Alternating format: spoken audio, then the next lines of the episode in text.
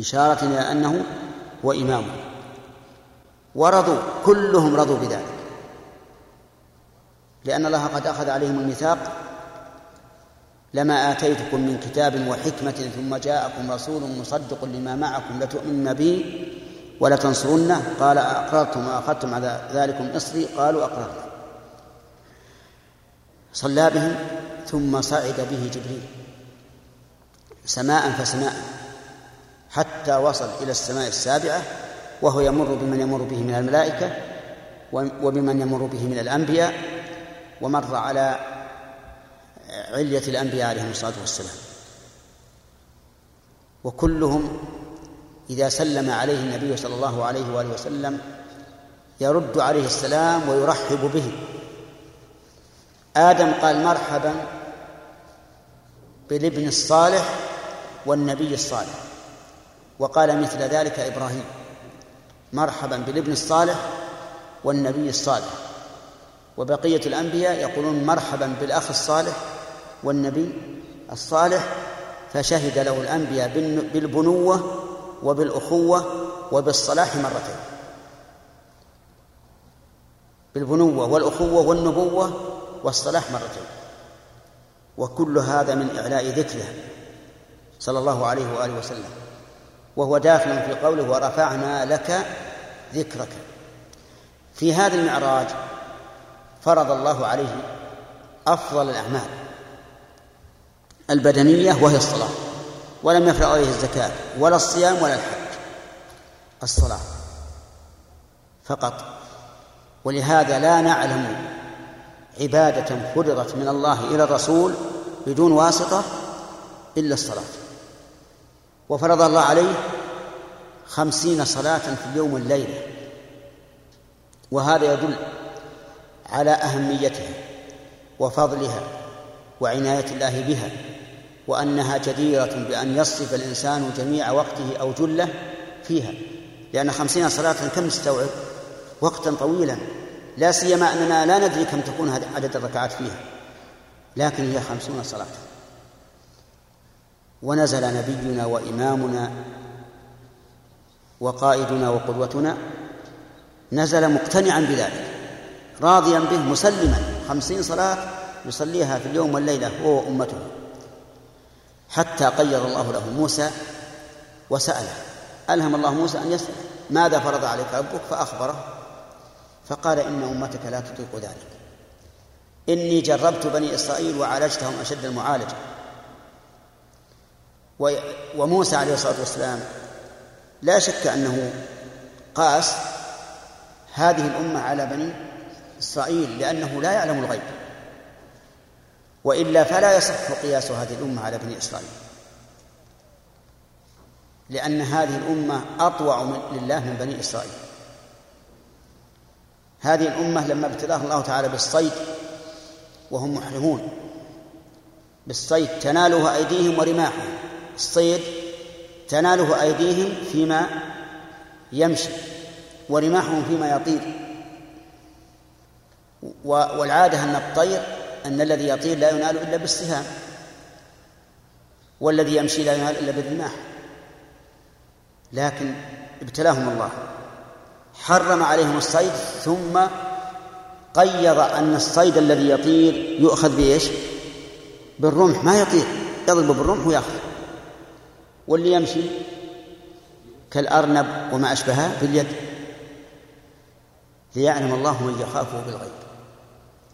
فماذا فعل الصحابة؟ هل كفوا عن الصيد مع تيسره أو أخذوا به؟ كف ما أخذوا. وبنو إسرائيل قيل لهم لا تأصيدوا في يوم السبت سمكا. فقالوا لا بأس. ما نصيد فطال عليهم الأمد وابتلاهم الله. في يوم السبت تأتي الحيتان شرعا على على وجه الماء. شرعا شارعا وفي غير يوم السبت ما تأتي. فقرقرت البطون على السمك. وقال كيف نبقى هكذا ما ناكل سمك؟ ما يمكن. قالوا نحن أصحاب الحيل نحتال على من يعلم خائنة الأعين وما الصدور.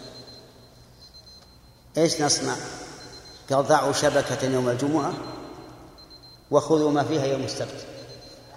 يوم الأحد يوم الأحد. فوضعوا شبكة يوم الجمعة فجاءت الحيتان. على العادة دخلت الشبك وعجزت عن الخروج. فلما كان يوم الأحد أخذوها. فتحيلوا على محارم الله لكن هل نفعهم هذا التحيل؟ لا. قلبهم الله تعالى قردة وخنازير قردة قردة. فأصبحوا قردة يتعاون. اللي أمس رجل يمشي على رجليه أصبح الآن قردا يمشي على يديه ورجليه. حيل يعني هذه الحيلة أقرب ما يكون لبني آدم من هم؟ القرود. وأقرب ما يكون للحل هذه الحيلة اللي فعل. فصار الجزاء وفاقا من جنس العمل. فإذا لا يمكن أن تقاس هذه الأمة السامعة المطيعة التي قال قائلهم والله يا رسول الله لما استشارهم في الغزو والله لا نقول لك كما قالت بنو إسرائيل لموسى اذهب أنت وربك فقاتلا و ونحن وراءك. كذا؟ ما؟ إن ها هنا مكان ما نتعداه إن ها هنا قاعدون. بعد ما نقوم ولا, ولا قيام نشوف إيش صار عليه. إن ها هنا قاعدون. قال لكن هؤلاء قال الصحابة للرسول والله لا نقول لك كما قالت بنو إسرائيل موسى ولكن اذهب. فقاتل فنحن بين يديك ومن خلفك وعن يمينك وعن شمالك. والله لو خذت بنا هذا البحر لخذناه معك. الله أكبر رضي الله عنه. لكن موسى لا يعلم الغيب. وهو ولا ومن نعمة الله عز وجل أنه كان كذلك. لا يعلم هذه الأمة حقيقة. فقال ارجع إلى ربك. فاسأله التخفيف لأمتك فرجع فوضع عنه خمسا خمسا أو عشرا عشرا حتى وصلت إلى خمس فنادى منادي إني قد أمضيت فريضتي وخففت عن عبادي. هن خمس بالفعل وخمسون في الميزان. وهذا يدل على فضل الصلاة وعظمها. ففرض الله عليه الصلاة ونزل نزل إلى الأرض حتى وصل مكة بغلس وصلى بها الفجر. نزل جبريل وصلى بها. في ذلك اليوم صلى بها الفجر والظهر والعصر والمغرب والعشاء والفجر. طيب. هذا المعراج من خصائص الرسول صلى الله عليه وسلم. لم يحصل لأحد من الأنبياء سواه. أبدا. فهو من آيات الله العظيمة الدالة على كمال قدرة الله عز وجل وعلى الآيات الكبرى التي شاهدها الرسول عليه الصلاة والسلام.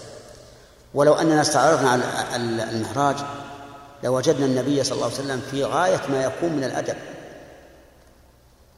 في غاية ما يكون من الأدب. ما زاغ البصر وما طغى. نحن لو دخلنا قصدا غريبا علينا كان واحد ينظر للسقف ينظر للجدار الأيمن الجدار الأيسر أمامه ربما يلتفت وراءه ينظر للأرض ينظر كل شيء. هذا غريب عليه. لكن الرسول يقول ما زاغ البصر وما طغى. لم يتجاوز النظر الذي حدد له. في كمال غاية ما في غاية ما يكون من الأدب. وما زاغ البصر ما نظر شيئا على خلاف الواقع. لقد رأى من آيات ربه الكبرى. الكبرى يا خالد. اعربها.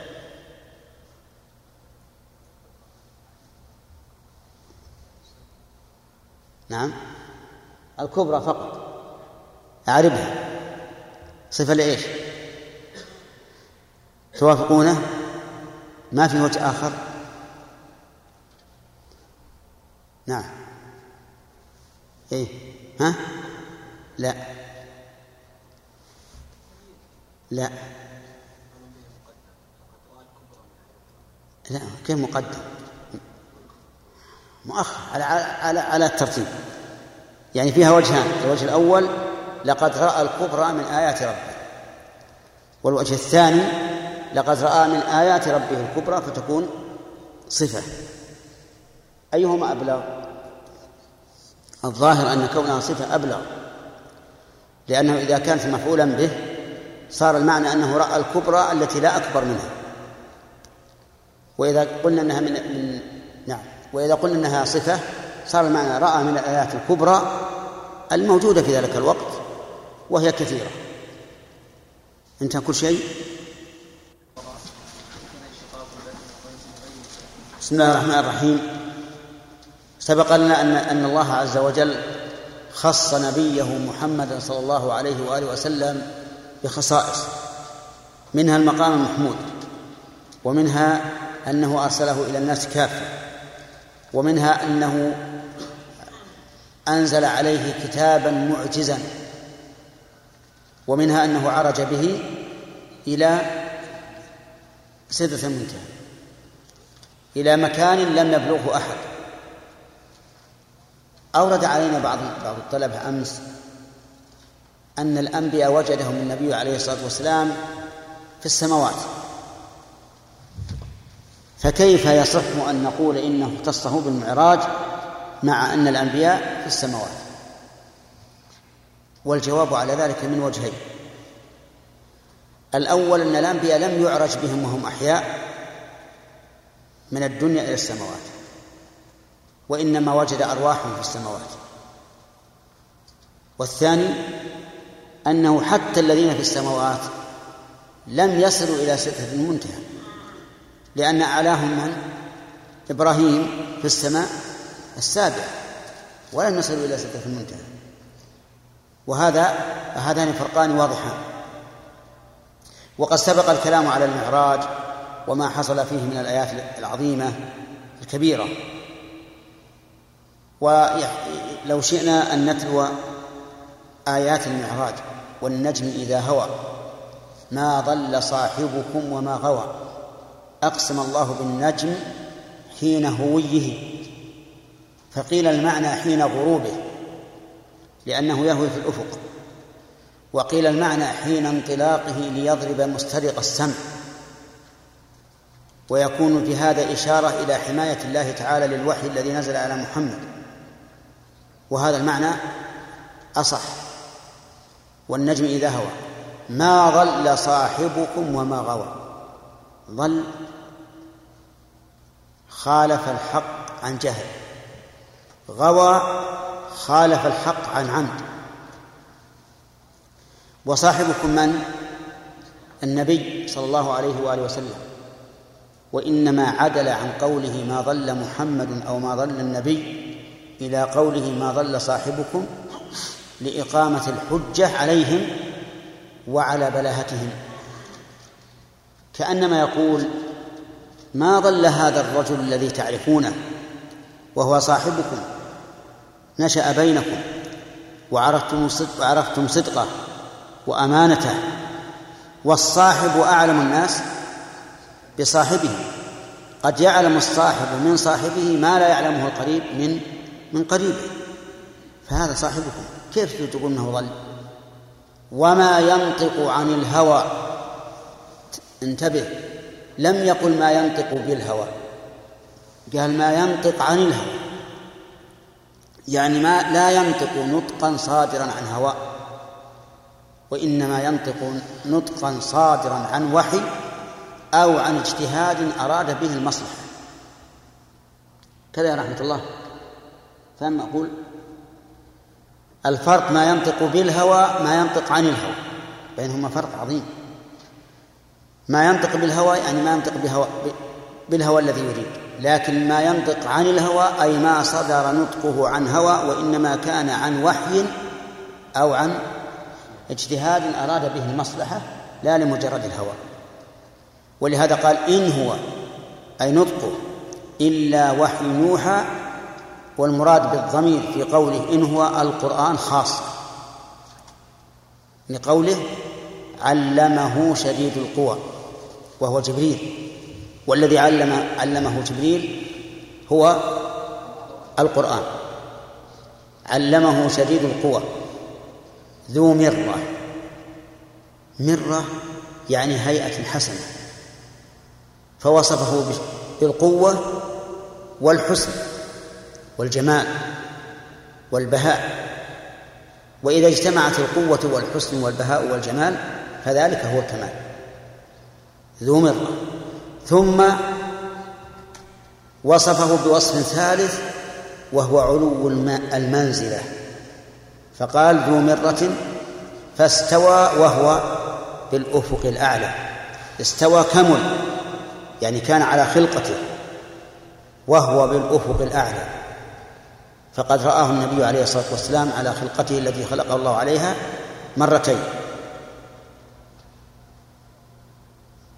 مرة عند سدرة المنتهى فوق ومرة في الأرض. رآه بالأفق الأعلى وله ستمائة جناح. قد سد الأفق من شرقه إلى غربه ومن شماله إلى جنوبه. يعني غيمة واحدة سدت الأفق. فاستوى وهو بالأفق الأعلى. ثم دنا. من؟ ذو المرة أي جبريل. فتدلى فقرب. والتدلي النزول من فوق. ثم دنا فتدلى فكان قاب قوسين أو أدنى. أي كان جبريل قاب قوسين أو أدنى من الرسول صلى الله عليه وسلم. فأوحى جبريل إلى عبده أي إلى عبد الله ما أوحى. وما الذي أوحاه؟ القرآن. وأبهمه تعظيما له. أوحى ما أوحى. لا يقال إن هذا تحصيل حاصل. أوحى ما أوحى. تحصيل حاصل. فيقال هذا الإبهام للتعظيم. كقوله تعالى فغشيهم من اليم ما غشهم. معلوم إن اللي غشهم هو اللي غشهم. لكن جاء بصورة الإبهام للتعظيم. يعني أوحى إلى عبده شيئا عظيما من الوحي. بعده ما كذب الفؤاد ما رأى. الفؤاد ما كذب الذي رأى بل رآه على ما هو عليه صدقا حقا. أفتمارونه على ما يرى؟ أفتجادلونه؟ على شيء رآه بعينه وقلبه؟ ولقد رآه نزلة أخرى أي رأى جبريل مرة أخرى في الأفق. نازلا عند سدرة المنتهى. وهذه المرة الثانية التي رآه على خلقته التي خلقه الله عليه. عندها جنة المأوى. عند سدرة المنتهى جنة المأوى وهذا يدل على أن الجنة فوق السماوات. عليا. جعلنا الله وإياكم من أهلها. إذ يغشى السدرة ما يغشى يعني رآه حين يغشى السدرة ما يغشى. والذي وهنا أيضا إبهام لإيش؟ للتعظيم. ما الذي غشها؟ غشيها من البهاء والحسن والجمال ما يظهر العقول هي بالأول شجرة سدرة كأنها سدرة لكن غشيها جمال جمال عظيم يبهر العقول. كما قال النبي عليه الصلاة والسلام إذ يغشى السدرة ما يغشى. ما زاغ البصر وما طغى. يعني ما مال البصر وما طغى أي تجاوز الحد فهو لم يدر يمينا ولا شمالا ولم يتقدم أماما ولا فوقا. وذلك لكمال أدبه صلى الله عليه وآله وسلم. لقد رأى من آيات ربه الكبرى. هذا هذه آيات المعراج. وآية الإسراء سبحان الذي أسرى بعبده ليلا من المسجد الحرام إلى المسجد الأقصى الذي باركنا حوله. لنريه من آياتنا إنه هو السميع البصير.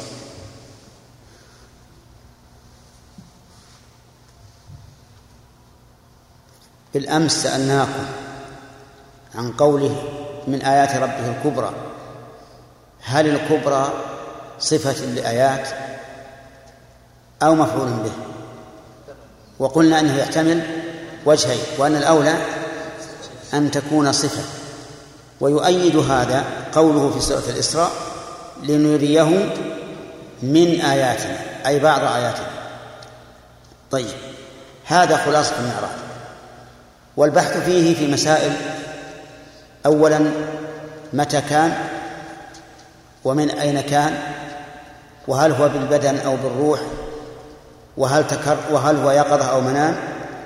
وهل تكرر أم لم يتكرر؟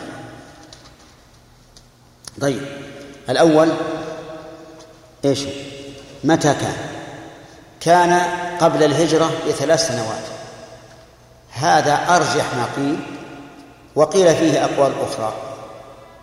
ولكنه لم يحرر لأن الناس في في الجاهلية ما كانوا يعتنون بهذه الأمور ولهذا لم يكن لهم تاريخ. كان الجيد منهم المثقف الذي يؤرخ بعام بعام الفيل. ولا ما يعرفون التاريخ. ما أرخ التاريخ إلا في عهد عمر بن الخطاب رضي الله عنه. طيب إذن هو على الأرجح قبل الهجرة بثلاث سنوات. الثاني من أين كان كان من المسجد الحرام من الحجر حجر الكعبة. وقد ورد في بعض ألفاظ الحديث أنه كان من بيت أم هانة والجمع بينهما أن يقال كان نائما عند أم هانئ فأتاه آت فأيقظه فقام إلى الكع إلى المسجد الحرام واضطجع عند الحجر فعرج به من هناك من المسجد الحرام. الثالث هل كان يقظة أو مناما والصواب المقطوع به أنه منام أنه يقظة. لأن الله قال سبحان الذي أسرى بعبده ولم يقل بروح عبده. والعبد هو الجسم الذي فيه الروح. فقد أسري به بجسمه صلوات الله وسلامه عليه يقظة. طيب ويدل لذلك أيضا أنه لو كان مناما لم تنكره قريش. لأن المنام لا ينكر. الإنسان مثلا لو قال إنه رأى في المنام أنه ذهب إلى أقصى الشرق أو أقصى الغرب ورأى ما رأى هل يكذب؟ أبدا لا يكذب.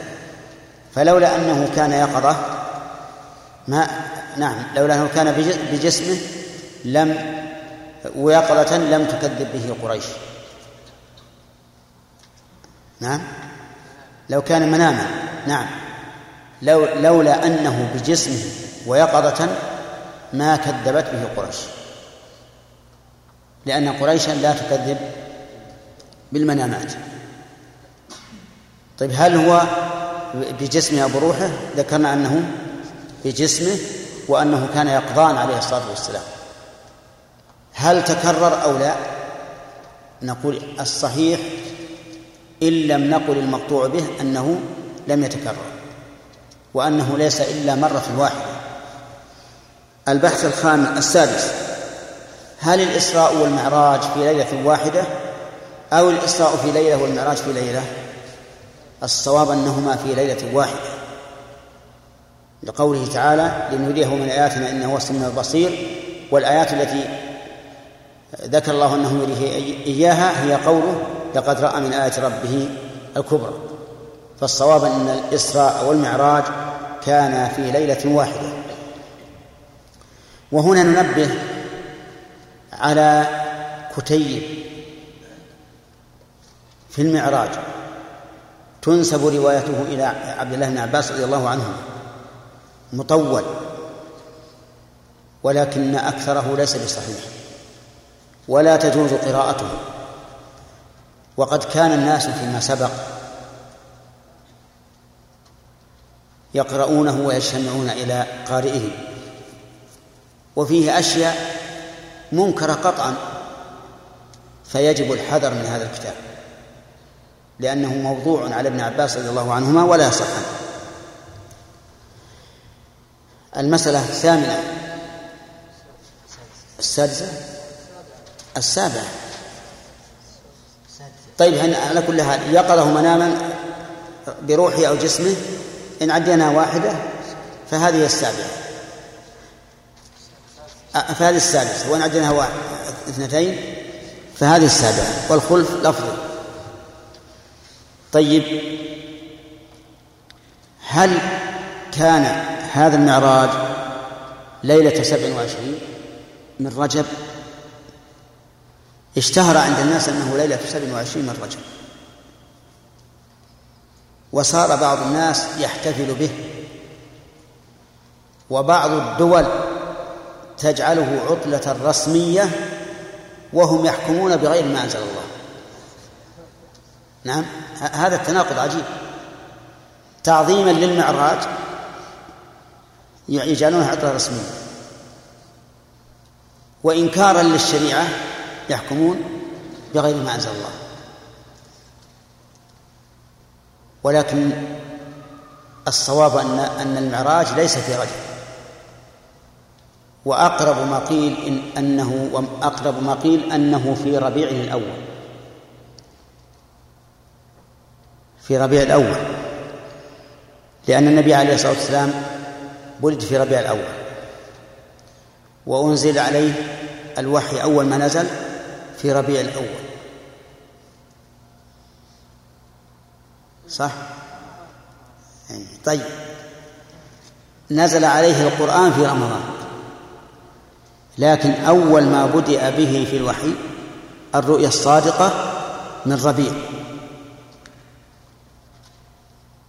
كما قالت عائشة كان أول ما رأى من كان أول ما بدأ بالوحي أنه كان يرى الرؤيا الصالحة حتى تأتي مثل فلق الصبح. وبقي على هذا ستة أشهر. ربيع الأول والثاني وجمادة وجمادة ورجب وشعبان. وفي رمضان أنزل عليه القرآن. وإذا قارنت بين هذا وبين قول الرسول عليه الصلاة والسلام الرؤيا الصالحة جزء من ستة وأربعين جزءا من النبوة ونسبت ستة أشهر إلى ثلاثة وعشرين سنة وهي مدة الوحي صارت الستة بالنسبة إلى ثلاثة وعشرين جزءا من ستة وأربعين جزءا من النبوة. طيب. آه ولد يوم في ربيع. أول ما جاءه الوحي في ربيع. لكن أول ما أنزل عليه القرآن في في رمضان. طيب. هاجر في ربيع. توفي في ربيع. فكل الحوادث الكبيرة في حياة الرسول عليه الصلاة والسلام كانت في ربيع.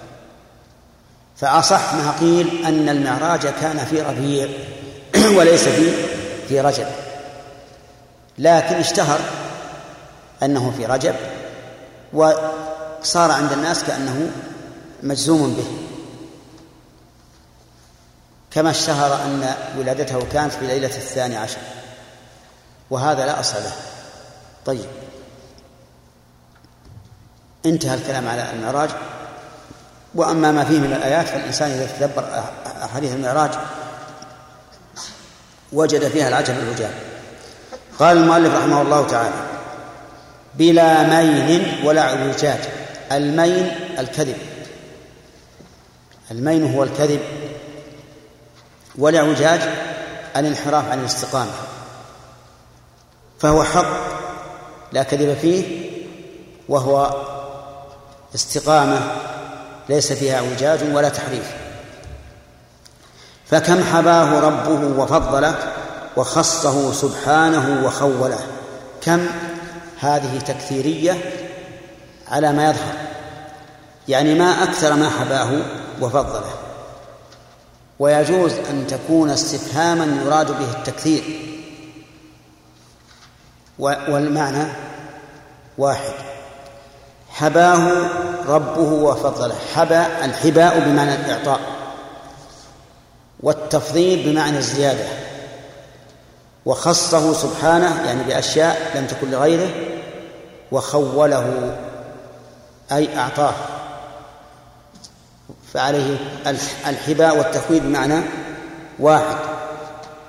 فالنبي عليه الصلاة والسلام خص نبيه بخصائص لم تكن لغيره وفضله بفضائل لم تكن لغيره وأعطاه من من الهبات ما لم يكن لغيره فصلوات الله وسلامه عليه. انتهى الوقت؟ لا انتهى وقت التوحيد. إذا نأخذ الأصول. أي مخ نأخذ لا يقول بعض الناس أنكم خليتوه. إيش؟ في عقيدة جماعة. الآن بنقرأ العقيدة دون دون الفقه. يلا. ها؟ نعم اقرأ.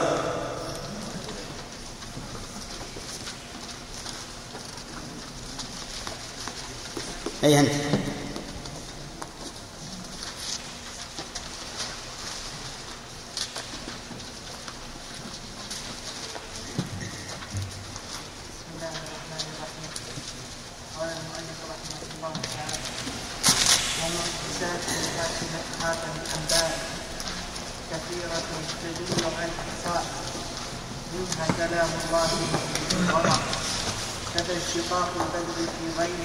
من من غير بسم الله الرحمن الرحيم.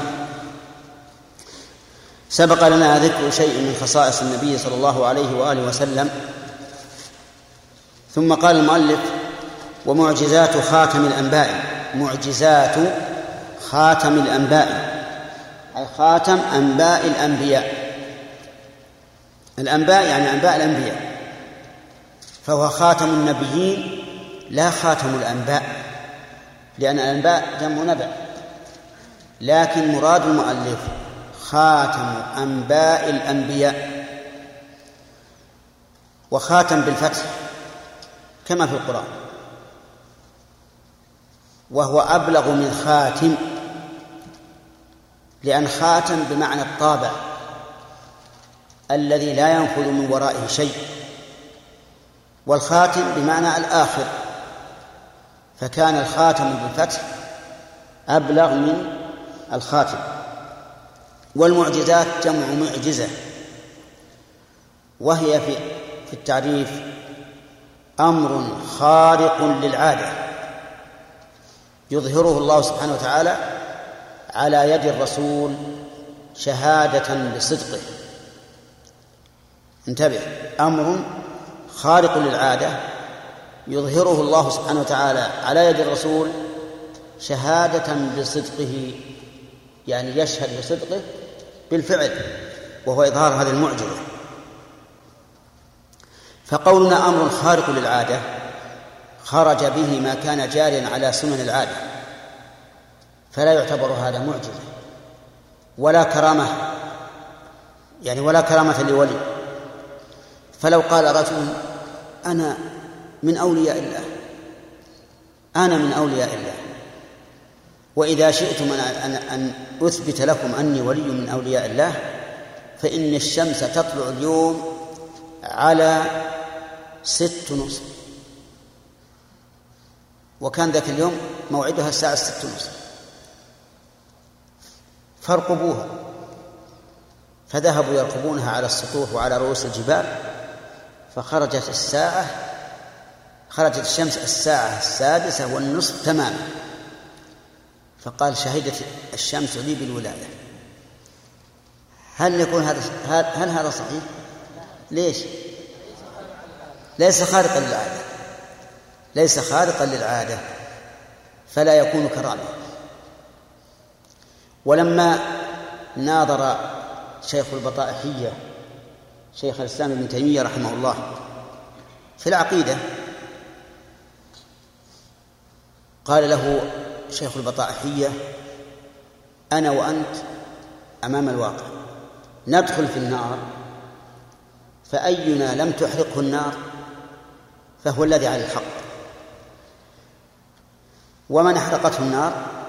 فهو على باطل. فقال له شيخ الإسلام ابن تيمية نعم ما عندي مانع. إذا كان الله عز وجل جعل النار بردا وسلاما على إبراهيم تكون بردا وسلاما على أمة محمد ما عندي مانع. ندخل النار. ولكن بشرط أن نغتسل أنا وأنت قبل أن ندخل النار. نغتسل ننظف أجسامنا قبل أن ندخل النار.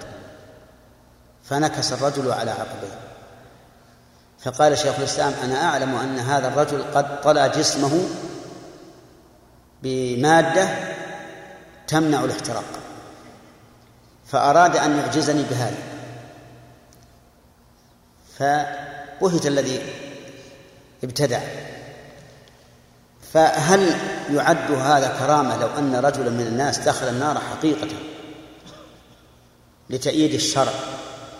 هل يعد هذا كرامة؟ لا لم يحترق. هو الرجل دخل ولم يحترق؟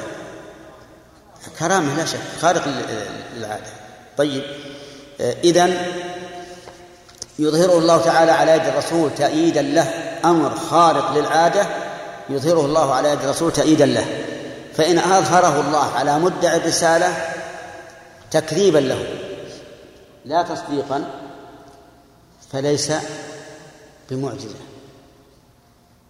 وقد ذكر ابن كثير في البداية والنهاية وغيره من المؤرخين أن مسيلمة الكذاب نبي اليمامة كان يدعي أنه رسول وجاء إلى النبي عليه الصلاة والسلام وقال أن أريد أن أكون أنا, أنا وأنت شركاء في الرسالة. جاءه قومه يوم من الأيام وقالوا يا نبي الله وهو كاذب. قالوا يا نبي الله إن بئرنا غار ماؤها ولم يبقى فيها إلا القليل من الماء الذي لا يروينا فقال أنا آت إليكم. فجاء إليهم وطلب ماء فأعطوه ماء فتمضمض به ومجه في البئر فصاروا ينتظرون أن تجيش بالماء كما صار ذلك في بئر غزوة الحديبية. فلما مج الماء في هذا الماء الباقي غار بإذن الله. هذا خارق للعادة ولا موافق للعادة؟ خارق. لكن تصديقا أو تكذيبا؟ تكذيبا. إذن هي خارق للعادة لكن أجراها الله عز وجل على يد هذا الكاذب تكذيبا له. وذكروا قصة أخرى أيضا. أتوه بصبي شعر رأسه متمزق. فجاءوا به إليه ليمسحه حتى يخرج بقية الشعر. فلما مسحه زال الشعر الموجود. وصار أصلع مرة. هذا أيضا خارق للعادة لأن الإنسان لو مسح على رأس الصبي ما نبت الشعر ولا زال. لكنه تكذيب أو تأييد. تكذيب. ولهذا قلنا المعجزة أمر خارق للعادة يظهره الله على يد الرسول إيه؟ تأييدا له وتصديقا له. قال معجزات خاتم الأنبياء كثيرة. وأنا أرشدكم إلى فصل نافع جدا في هذا الموضوع. ذكره شيخ الإسلام ابن تيمية رحمه الله في آخر كتاب الجواب الصحيح لمن بدل دين المسيح. ذكر كلاما حسنا جيدا جدا وأظن ابن كثير نقله في البداية والنهاية. وابن كثير ذكر أيضا من آيات الرسول عليه الصلاة والسلام في لما تكلم على آخر حياة الرسول عليه الصلاة والسلام في البداية والنهاية ذكر آيات كثيرة أرضية وسماوية وحيوانية وأشياء كثيرة. فمن أراد الزيادة من ذلك فليراجع. ولهذا قال المؤلف تجل عن إحصاء. منها أي من هذه المعجزات كلام الله معجز الورى. كلام الله عز وجل القرآن الذي أعجز الورى. وقد ذكرنا فيما سبق شيئا من وجوه من وجوه الإعجاز في القرآن. أتحفظونها؟ ذكرنا فيما سبق قريبا شيئا من وجوه الإعجاز في القرآن. نعم نشان. أولا أنه من الحروف الهجائية وقريش من أبلغ الناس وأفصحهم في الكلام. فلم يستطيعوا أن يأتوا بآية طيب يعني عجز الناس أن يأتوا بمثله ولا بسورة ولا بحديث مع أنهم أمراء الفصاحة والبلاغة. وهذا لا شك أنه من آيات الله عز وجل. لكن الغريب أن بعض العلماء قال إنهم عجزوا بالصرفة لا بمقتضى الطبيعة. يعني أنهم قادرون من حيث طبيعتهم على معارضة القرآن لكن صرفوا أي صرفهم الله عن معارضته. فيكون إعجاز القرآن على هذا القول لا لذات القرآن ولكن لأمر خارج وهو صرفهم عن المعارضة. وهذا القول باطل لا شك. ثم على تقدير التسليم يعتبر هذا آية لأن كون الله صرفهم عن معارضته يدل على أنه لا تمكن معارضته شرعا. ولكن الذي نرى وهو الصواب أنه أنهم عاجزون عن الإتيان بمثله طبعا لا صرفا. يعني لا يستطيعون أن يأتوا بمثله. هذه واحد.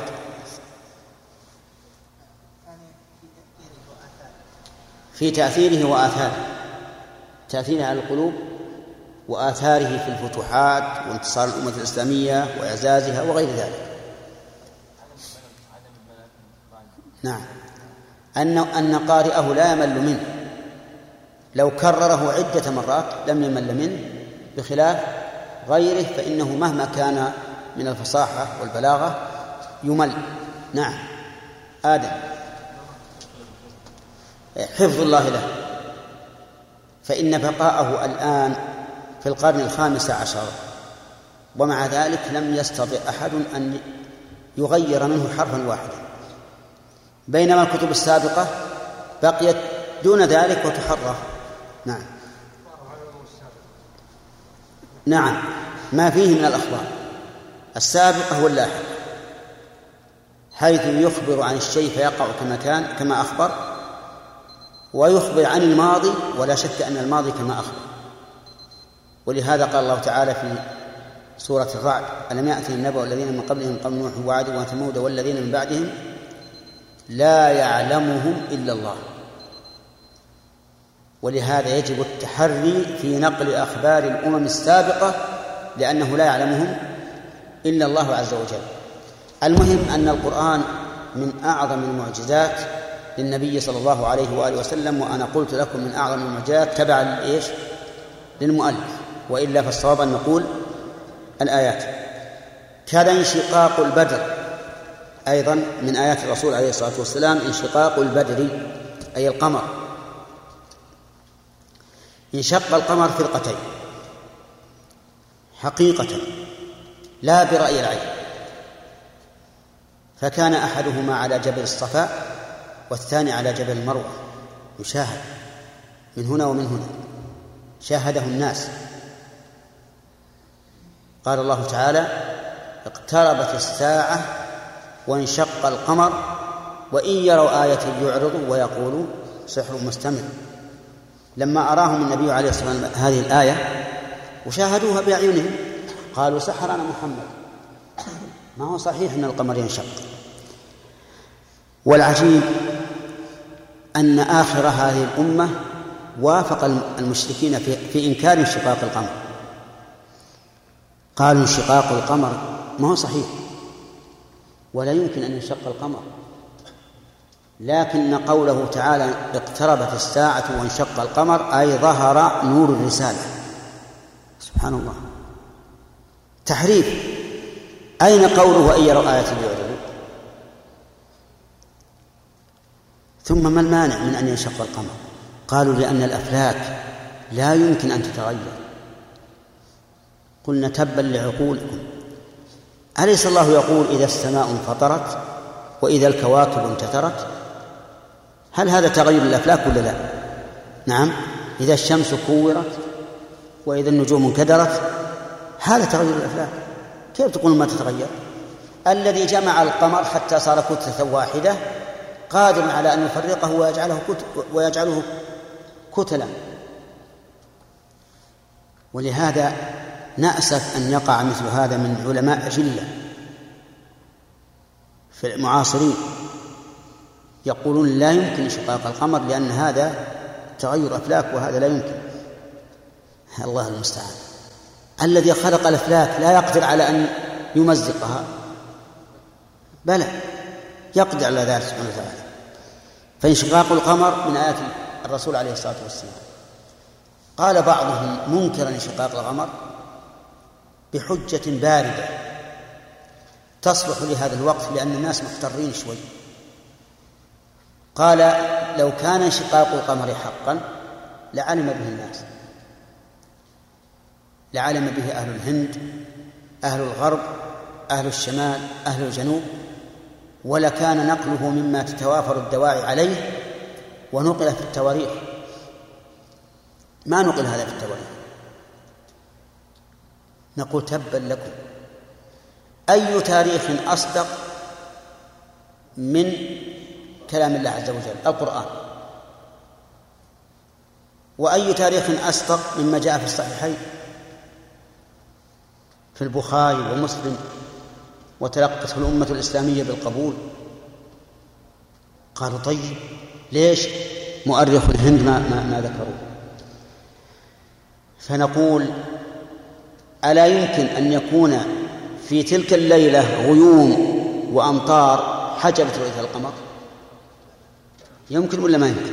يمكن. الثاني أن نقول انشقاق القمر هل بقي مدة طويلة حتى يتمكن الناس من رؤيته؟ ربما يكون المدة يسيرة حتى شاهده الناس ثم تلاءم. والناس في ذلك الوقت في الهند مثلا نيام لأن الهند يسبق مكة في الزمان أليس كذلك؟ فيقع هذا وهم نائمون. ثم يلتئم قبل أن يستيقظ والمهم أن ما علينا نحن كون الهند قالوه أو علماء الهند قالوه وما أشبه ذلك ما يهم.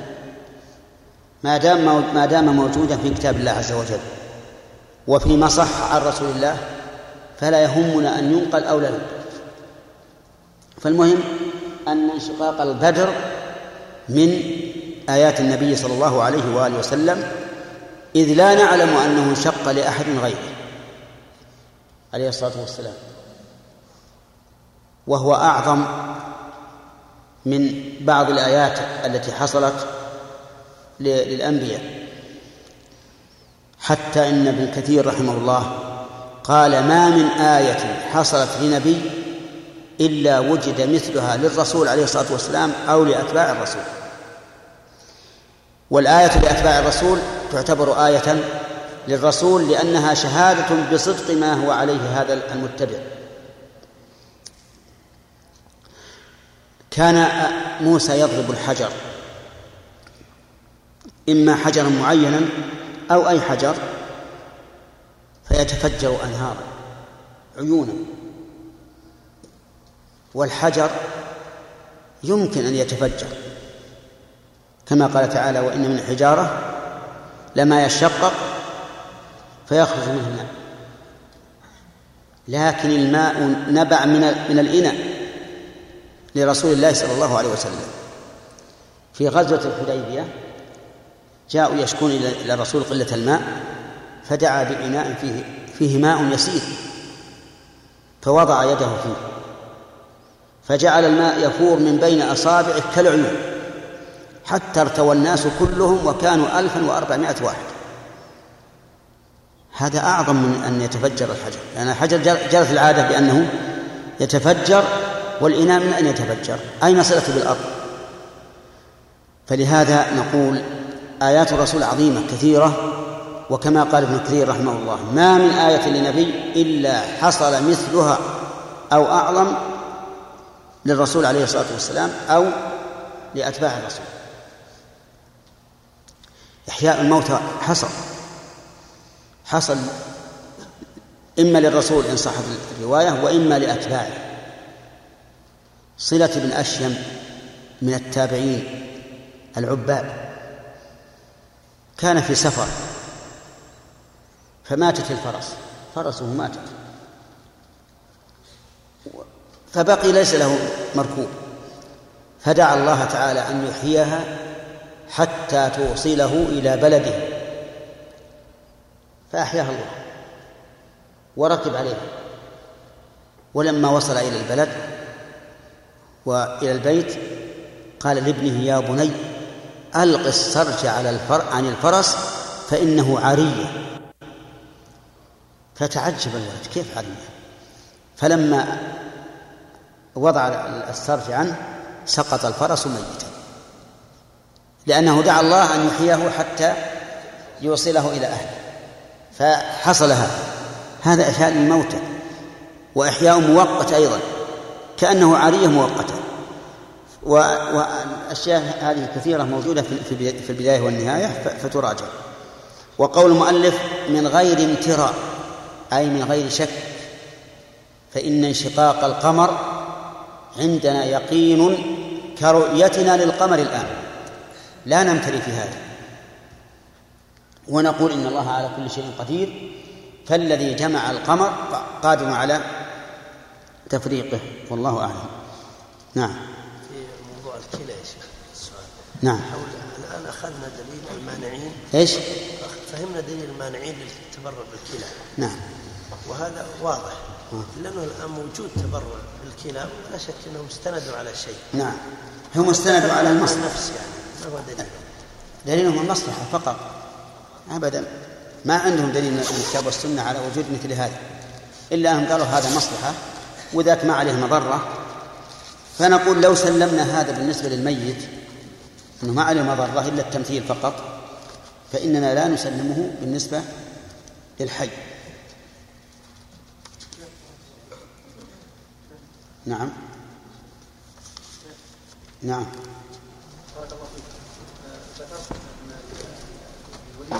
ها؟ الولي لابد ان يعني يظهر له لا ما هو لازم طيب يعني. الأولياء في الصحابة أكثر من الأولياء في التابعين و و وكرامات في التابعين أكثر منها في الصحابة طيب اذا رجل يعني احيا فرس أو رجل ميت يعني رجل قتل فاتوا ب- رجل كان يعني يصلي هكذا فالرجل قالوا أنت قتلته إيش قال له؟ قالوا له أنت قتلت هذا الرجل.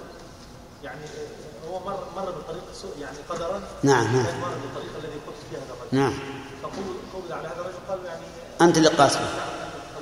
فقال لم أقتله. قال لم أقتله. قال كيف؟ إيش يعني الدليل لابد يعني يسجن حتى يعني يعملوا تحريات يعني زين. فقال لا يعني اسالوه قال كيف نسأل؟ هذا ميت. كيف نكلم من كان في الكفن ملفوفا؟ نعم قال قم وكلمهم. فقام الرجل قال ما هو صحيح؟ ومات ما ما قال قتل فلان لا ما هو قال ما هو اللي بس نفى ولم يثبت. نفى ولم يثبت. إيه. فما رأيك؟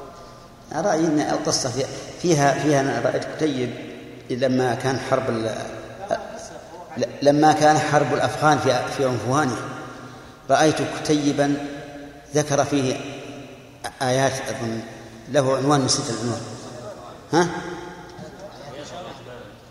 آه. في؟ آه. آيات الرحمن في جهة القرآن. ذكر قصص كثيرة جدا. منها ما قد يكون صحيحا وما ما قد يكون غير صحيح. لكن المبالغة في هذا فيها نظر. المبالغة في هذا نظر. أنت شهدت هذا الرجل الميت المقتول لم أشاهده ولكن أنا عندي دليل ان الجن ممكن جن يلبس الميت ويتكلم عن 100% طيب حتى كون الجن يدافع عنه هذه كرامة بعد. من هو؟ في بعض الناس يسجدوا إلى الجن وهم صالحون؟ لا الناس يصلون هم يصلون أمام الناس. يعني طبعا يعني لكي يكون الناس عنهم أنهم صالحون. وبذلك يعني لكن في الخفاء؟ يدمروا الشريعة. لا دمروا الناس مرة يعني الناس يعبدونهم من دون الله يعني هو ال- ال- الجن يساعد هؤلاء. يمكن. فهل هؤلاء يعني نقول عنهم يعني الناس يعني يفكرون أنهم أولياء؟ هو سلمك الله نعم في الآن ذكر شيخ الإسلام من جملة ما ذكر في في كتابه الفرقان بين أولياء الرحمن وأولياء الشيطان إن في جن تحمل الناس يوم عرفة من بلادهم من أقصى الشرق إلى مكة ويحجون.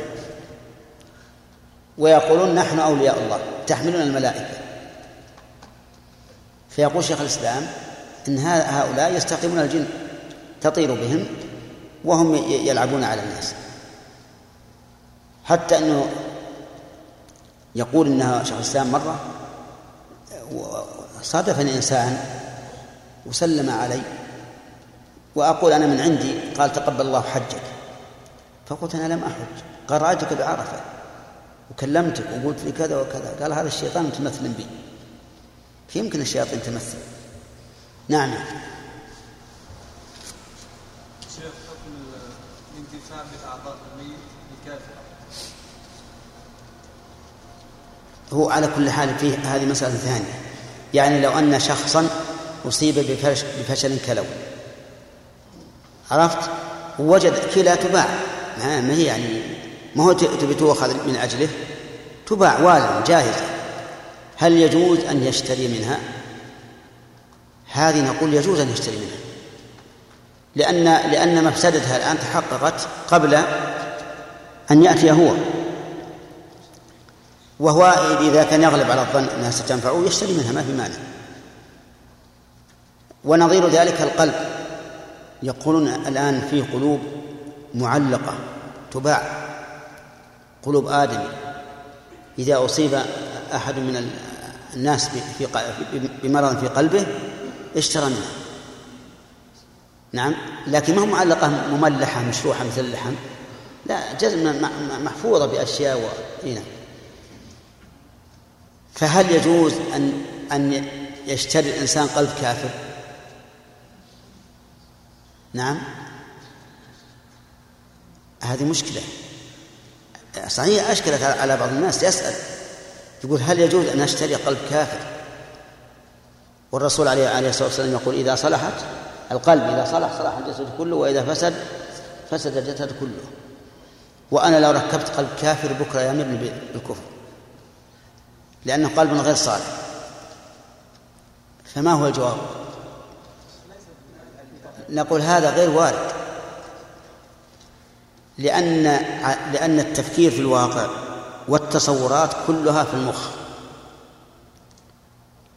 والقلب ليس إلا مدبرا يدبر ما يأتيه فالسكرتير هو المخ كل شيء زينه جهزه ثم يرسله إلى القلب من أجل التوقيع والتنفيذ. وهذا شيء مجرد ولهذا إذا ورد على الإنسان مشكلة تجد يقول يعني يفكر. ما هو بيقول هكذا؟ يضع يده على رأسه للتفكير. وبعد أن يفكر يستمد المخ الأمر من من القلب. هذا أحسن ما يجمع بين الحديث وبين الواقع.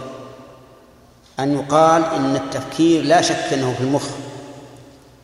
وهذا شيء ما لا يمتلئ فيه إنسان. فإذا أنجز الموضوع أرسل إلى الملك ليأخذ منه إيش؟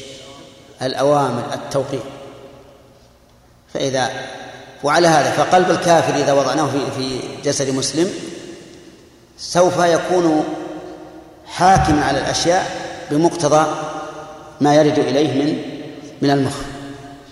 نعم. بارك الله فيكم. علمنا أن الشريعة لا تفرق بين متماثلين. نعم. فكيف يكون الحال في التبرع بالدم؟ نعم. إن هذا تبرع والتبرع بالأعضاء أيضا تبرع. أحسنت. بارك الله فيك. التبرع بالدم جائز. والفرق بينهما وبينه وبين العضو ظاهر جدا. لأن الدم يخلفه دم آخر في الحال. وأما العضو فلا يخلفه شيء.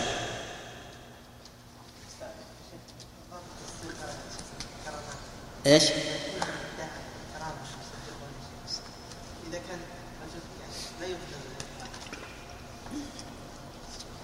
العلماء يسمونها كرامات الأولياء. ما هي كرامة بس؟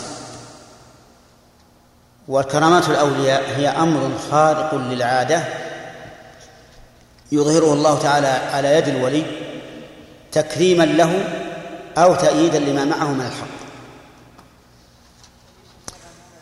ها؟ اصبر بارك الله فيك. ومن هو الولي؟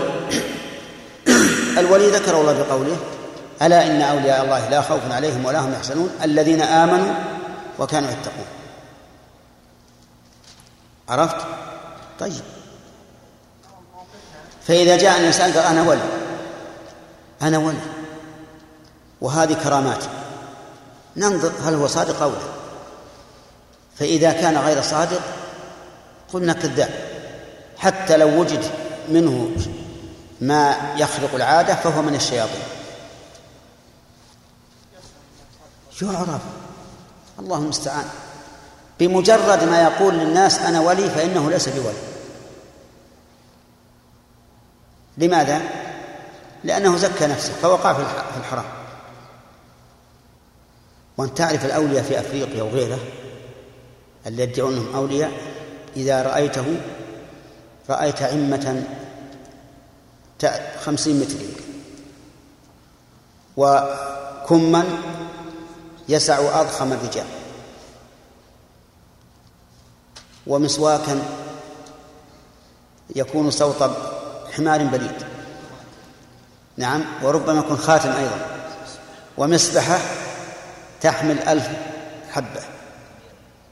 كبيرة أو صغيرة ما أدري نعم. وحركات في الشفتين. همهمة ثم يقول للناس أنا ولي. ثم يقول أنا من أولياء الله الذين سقط عنهم التكليف. فيجوز لي أن أتزوج خمسين بنتا بكرا يلا أعطونا بناتكم. نعم. ويحل لي من الأكل ما, ما, ما لا يحل لكم. نعم. ثم يدعي دعاوى كلنا يعرف أنها باطلة ثم يأتي بخوارق. بخوارق. يقول مثلا الإنسان ضاع له شيء تبي يجيب لك اللي ضاع لك. يجيبه. إلا كيف ما هو ولي أي قال إيش؟ إيه. نعم. الناس. يعني يعرض الناس ان يطيعوه طيب ما خل أن يطيعوه في معصية الله ولا في طاعة الله؟ ها؟ إذن هو غير ولي. نعرف أن ما حصل من المعجزات ليس كرامة. ها؟ إيش؟ إيش؟ يعني قصد الاخ كيف نحارب هؤلاء؟ كيف إيه؟ نحارب؟ نحارب إيه. نحارب هؤلاء ببيان باطلهم. مع أني أقول مع أني أقول لكم الآن في البلاد الأخرى غير السعودية هؤلاء كثيرون. كثيرون. وإذا رأوا إنسانا سلفيا اجتمع إليه الشباب حاربوه بكل وسيلة واتصلوا بالحكام حتى يمنعوه. وهذا شيء أخبرني الثقات به. لماذا تحرص الحكومات على أن تمكن لهؤلاء الضلال دون دون متبع السلف؟ لأن متبع السلف يعلمون أنهم إذا صدقوا الله سوف يملكون ما تحت أقدامهم. وهؤلاء المشعوذون هم هم منهم في مأمن لأنهم لن ينصروا.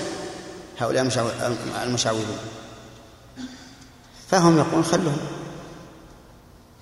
يعني علينا النصيحة علينا النصيحة.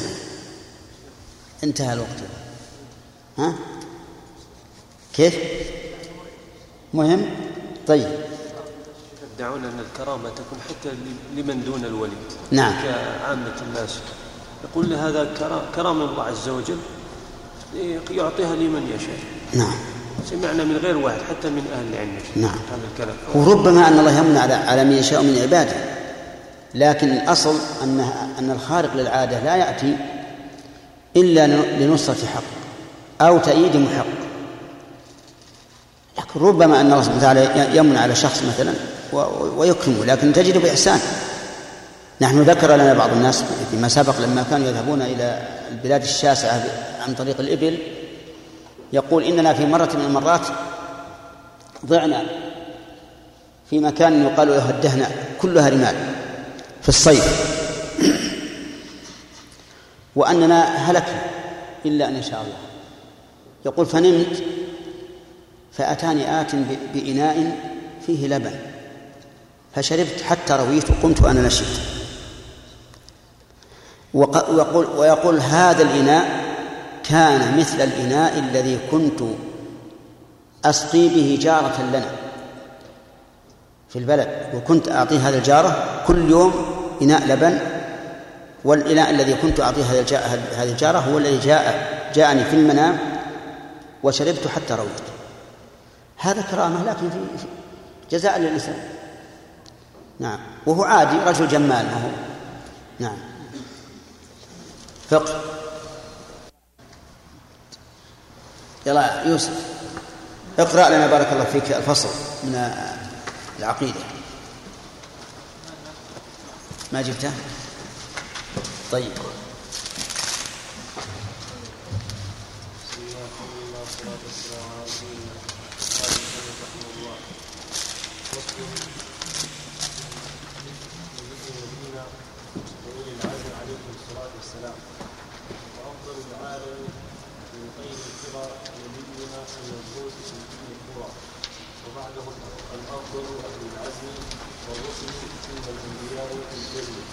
ثم الأنبياء بالجزم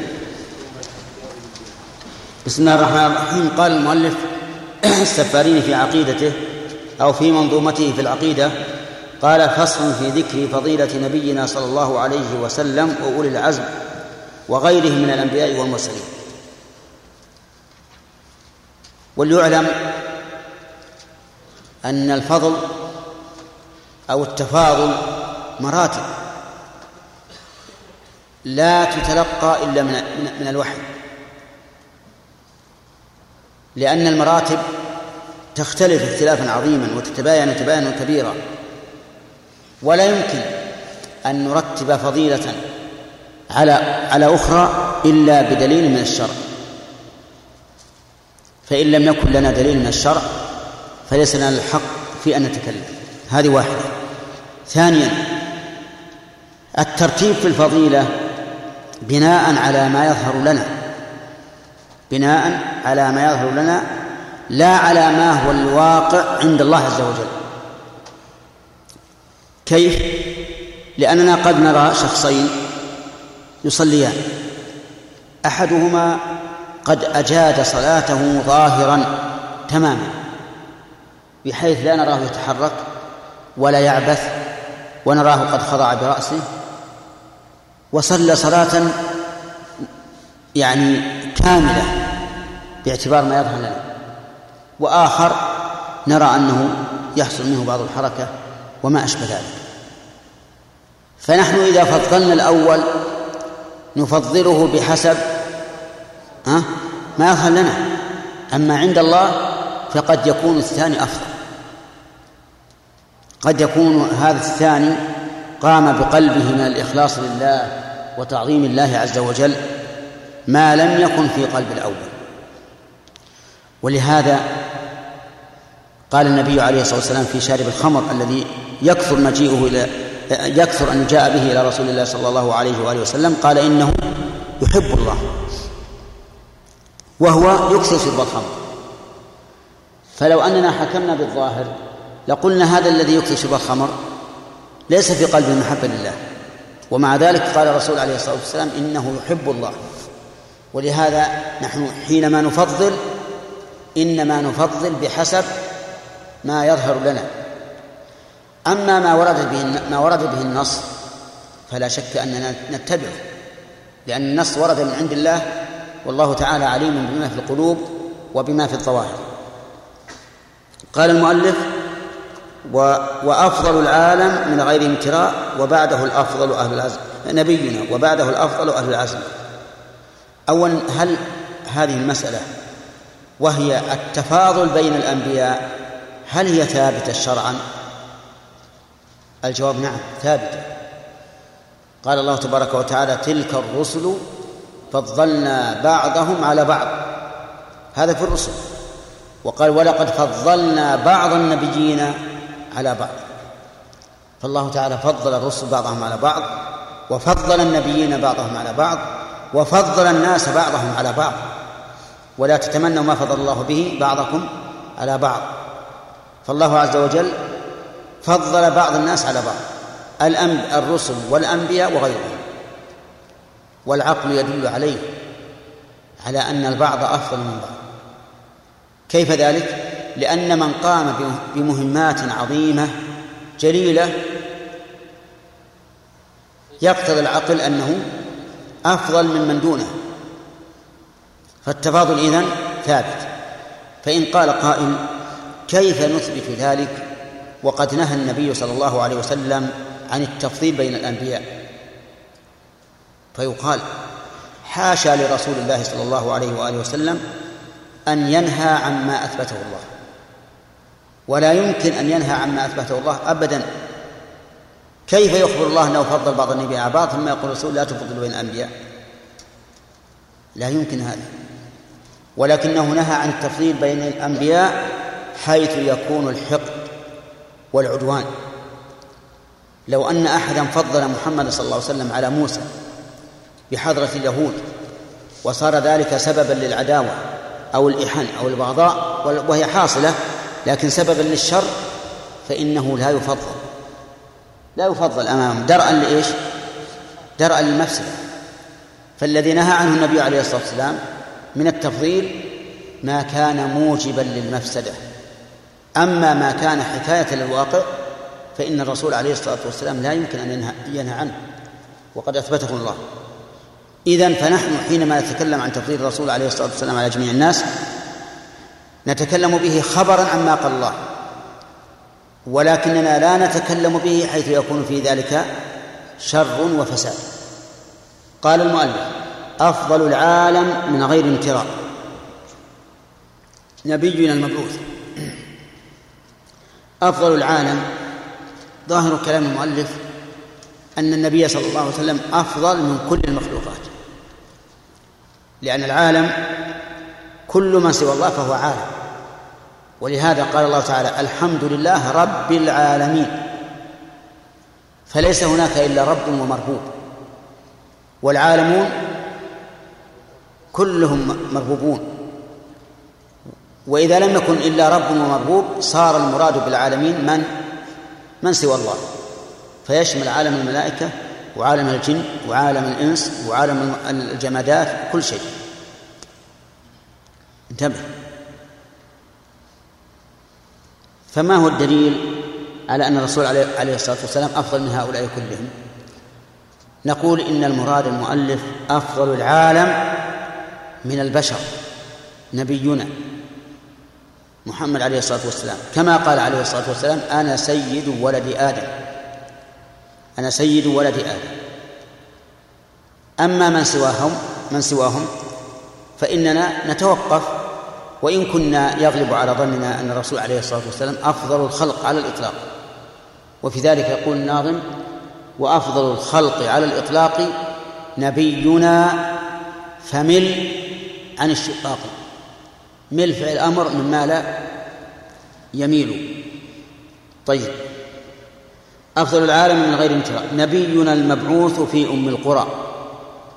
المبعوث نبينا المبعوث في أم القرى هذه صفة كاشفة وليست صفة مقيدة لأن نبينا محمد صلى الله عليه وسلم لم يبعث إلا في أم القرى ومعنى المبعوث المرسل إلى الناس والمراد بأم القرى مكة وسميت أم القرى لأن القرى كلها تأمها.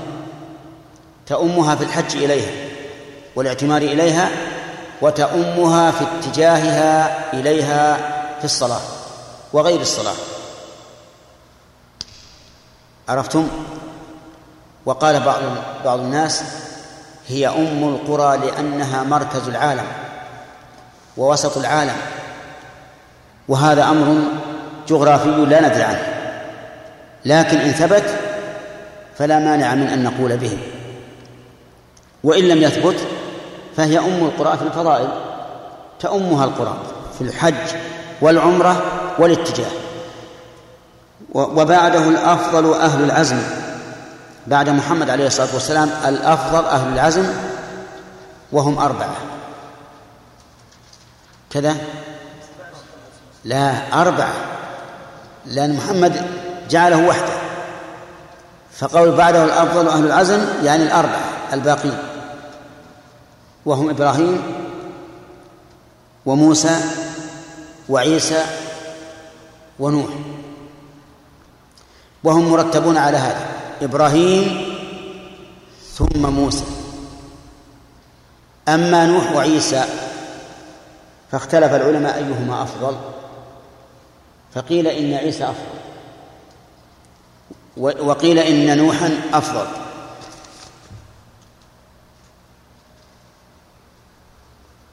طيب. شوف خذ يا عبد القادر شوف الفراشين. تعال يا دوك خلوه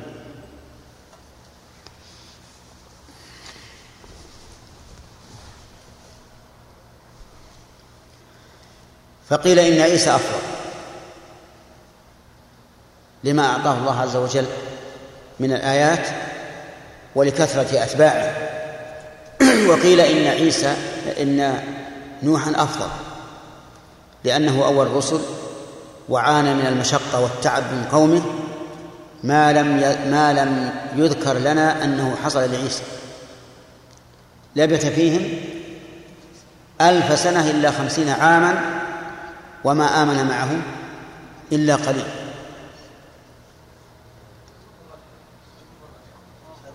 آه. ابحث عنهم هناك. طيب. فمن العلماء من قال نوح أفضل ومنهم من قال عيسى أفضل. ولكننا نقول الفضل الذي عند الله لا نعلمه.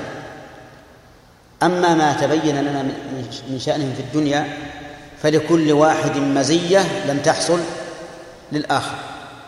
وحينئذ نتوقف.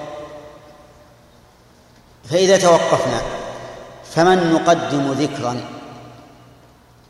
نوح لأنه الأول.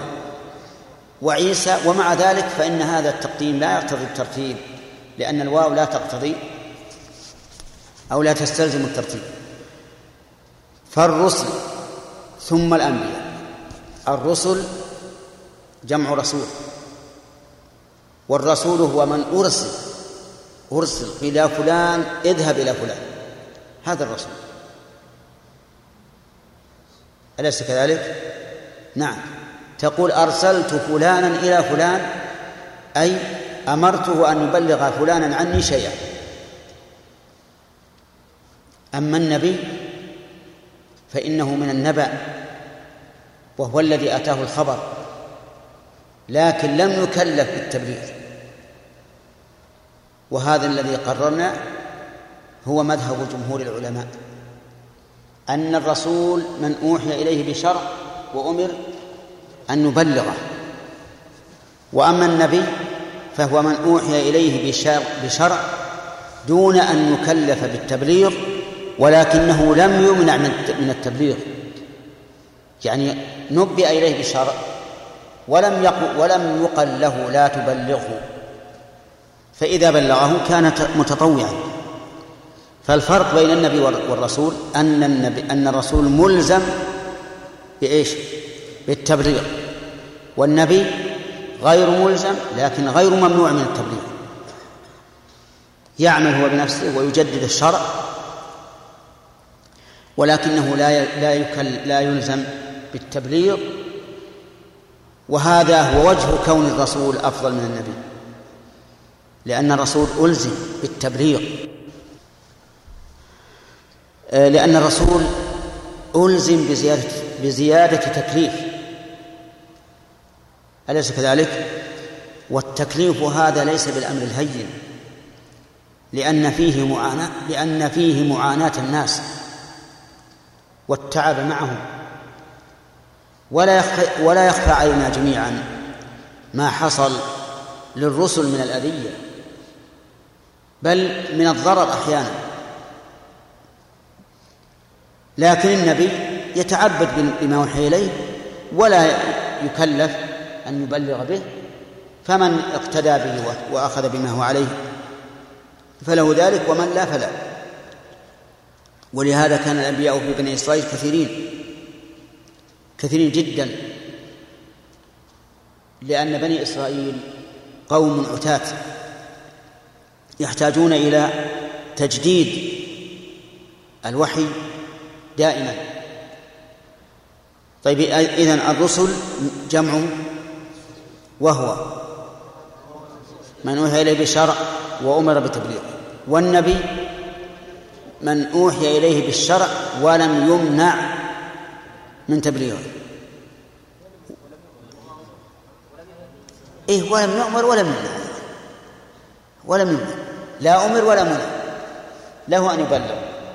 طيب إذا مرتبة الرسل فوق مرتبة الأنبياء وهذا صحيح. وقول المؤلف بالجزم أي قل ذلك بالجزم أو قلت ذلك بالجزم. فعلى الثاني يكون الكلام خبرا عن عقيدة المؤلف وعلى الأول يكون أمرا باعتقاد هذا أن نعتقد هذا جزما فإذا قال قائل كم عدد الرسل؟ وهل جميع الرسل بلغوا لنا؟ فالجواب أن عدد الرسل ورد فيه أحاديث ليست بتلك القوة من من مما يسلم به. ورد أن عددهم أربعة وعشرون ألفا. ولكننا لا ندري هل يصح هذا الخبر أو لا. إنما الذين ذكروا في القرآن خمسة وعشرون رسولا. وكل من ذكر في القرآن فهو رسول. وإن ذكر بوصف النبوة وذلك لأن كل رسول نبي ولا عكس. والدليل على أن كل من ذكر في القرآن رسول قول الله تبارك وتعالى ولقد أرسلنا رسلا من قبلك منهم من قصصنا عليك ومنهم من لم نقصص عليك. فعلم بهذا أن كل من قص الله عليه نبأه فهو رسول وهو كذلك. أما الذين لم يقصوا عليه فهم كثيرون ولكننا نؤمن بهم إجمالا. ومعنى إجمالا أنه لا يلزم التعيين لأننا لا نعلم عنه. لكن نقول آمنا بكل رسول أرسله الله تعالى. قال وأن كل واحد منهم سلم هذه وأن الظاهر من الصواب كسره وإن كان المعنى ونؤمن بأن لكن الأصل عدم التقدير والساعة الآن أعلنت انتهاء الوقت. نعم.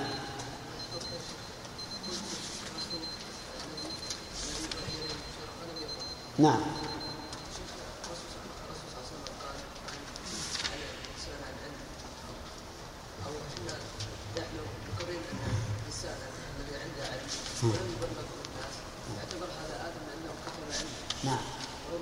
ربما يوجد رجال نعم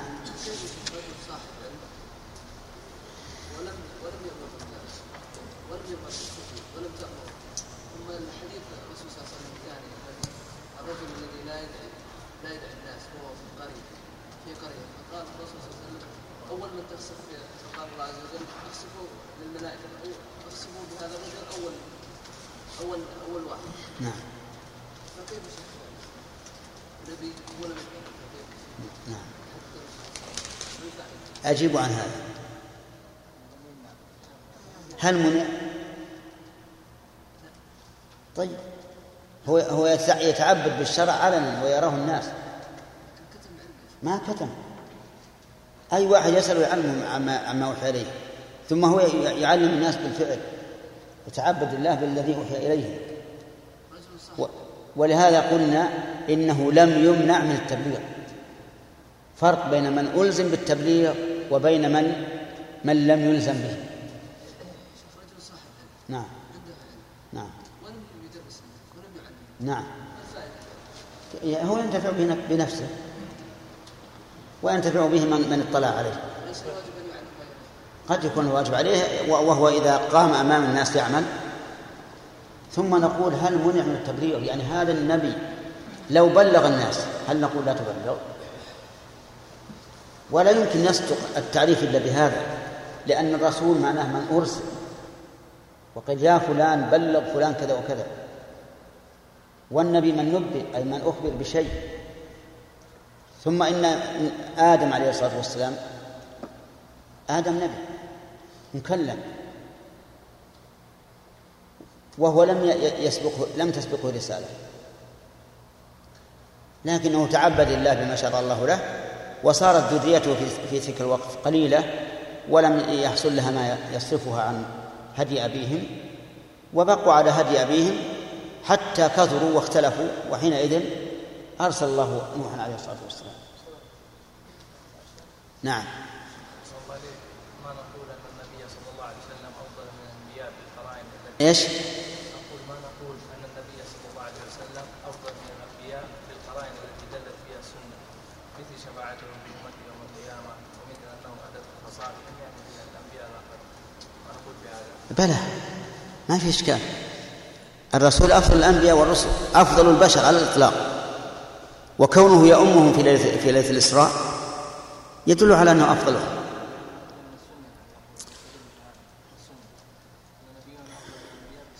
أو أو من القرآن. فإن قوله ولكن رسول الله وخاتم النبيين قد يدل على أنه أفضلهم لأن خاتم الشيء الطابع عليه معناه أنه آه، اشتمل على كل هؤلاء. نعم. نعم. أين؟ هذه الآية.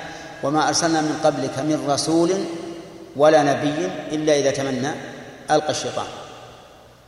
العلماء يقولون إن هذا على تقدير وما أرسلنا قبل من قبلك من رسول ولا نبأنا من نبي. لأن الوصف يدل على العامل فالرسول يدل على أن هناك إرسال. والنبي يدل على أن هناك إنباء. فالوصف دال على على العامل المحذوف الذي عمل فيه. وعلى هذا قول الشاعر علفتها تبنا وماء باردا. ليس المعنى وعلفتها ماء باردا الماء البارد لا يعلف لكن المعنى وسقيتها ماء باردا ليس المعنى وعلفتها ماء باردا الماء البارد لا يعلف لكن المعنى وسقيتها ماء باردا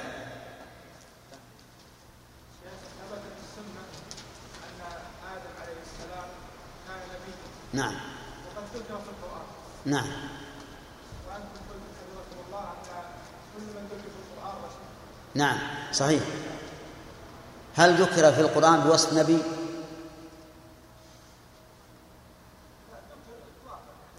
إذا مريم مذكورة في القرآن فرعون مذكور في القرآن قارون مذكور في القرآن. ما من نبي ذكر في القرآن إلا وهو رسول. لا. هذا يوصل إلى إلى من؟ أولاده جاءوا من بعده. وأول الرسل في القرآن أول الرسل من؟ نوح إنا أوحينا إليك كما أوحينا إلى نوح والنبيين من بعده. ولقد أرسلنا نوح وإبراهيم وجعلنا في ذريتهما النبوة والكتاب. فالنبوة ما خرجت عن عن ذرية نوح عليه الصلاة والسلام. نعم. قال الله سبحانه وتعالى ولقد كرمنا بني آدم وقال الرسول صلى الله عليه وسلم في حرمة الكعبة. وأن حرمة دم المسلم أعظم من حرمته نعم. كما قال صلى الله عليه وسلم. ألا يصلح هذا دليلان على أن البشر أكرم من غير من المخلوقات والمؤمنين من باب أولى أعظم كذلك. يكون النبي صلى الله عليه وسلم اقرأ الآية ولقد كرمنا. بني آدم. نعم. وحملناهم في البر والبحر. ورزقناهم. ورزقناهم من الطيبات. نعم. وفضلناهم على ها كثير من خلقنا تقريبا ولا على كل من خلقنا.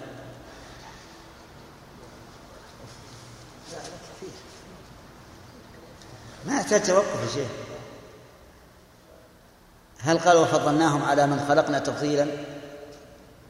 أو على كثير ممن خلقنا تفضيلا. التكريم حاصل لهم. كرم الله بني آدم لا شك. وحملهم في البر والبحر ورزقهم من الطيبات. لكن التفضيل ما جاء مطلقا. فضلناهم على كثير ممن خلقنا تفضيلا. لو كانت الآية وفضلناهم على كل من خلقنا تفضيلا للزم من ذلك أن يكون محمد عليه الصلاة والسلام أفضل أفضل المخلوقات.